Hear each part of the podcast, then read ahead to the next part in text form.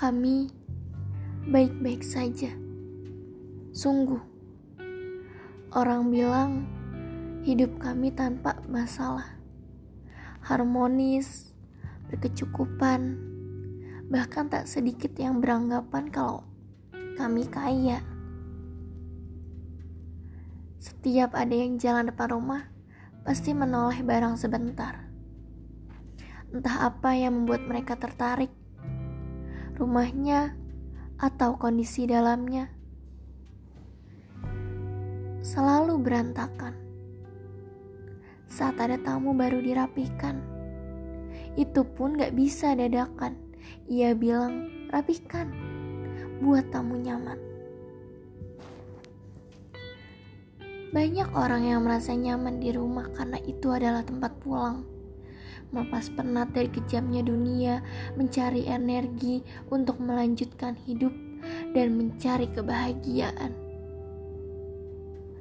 Tapi tak jarang pula dari mereka yang lebih nyaman di jalanan, bukan karena terpaksa oleh keadaan, melainkan jalanan lebih nyaman untuk sebagian mereka. Anak-anak zaman sekarang mulai berani untuk speak up, mengungkapkan apa yang mereka rasa melalui media-media yang bisa mereka akses. Hal itu menimbulkan pro dan kontra pastinya.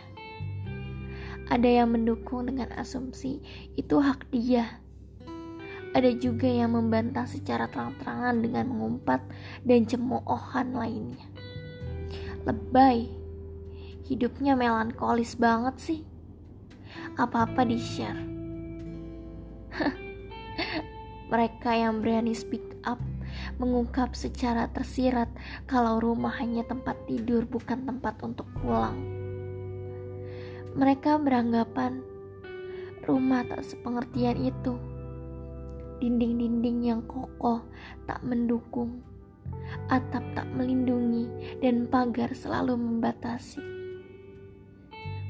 Detingan jam selalu bersaut-sautan dengan suara cicak di tembok. Seolah bekerja sama membangun istana, semut-semut bergotong royong menjarah sisi rumah. Binatang yang menjijikan bagi sebagian orang seperti kecoa, tikus got, kelabang, tak segan-segan menampilkan dirinya. Betapa bangganya mereka menguasai yang katanya rumah manusia ini tampak megah dengan cat putih dan gerbang hitam yang menjulang. Tampaknya hanya sebidang tanah yang selalu dituju. Sayangnya, kacau, berantakan adalah kata-kata yang dapat mendeskripsikan kondisi yang disebut rumah. Kehidupan manusia yang hanya dikenal uang, dan waktu. Sangat jelas sekali. Bantal lepek dan kasur yang sudah tak lagi empuk adalah gambaran paling jujur tentang kondisinya. Pakaian yang berantakan dan bertumpuk di sembarang tempat. Debu tebal penanda jarang dibersihkan. Toilet yang sudah tak berfungsi lagi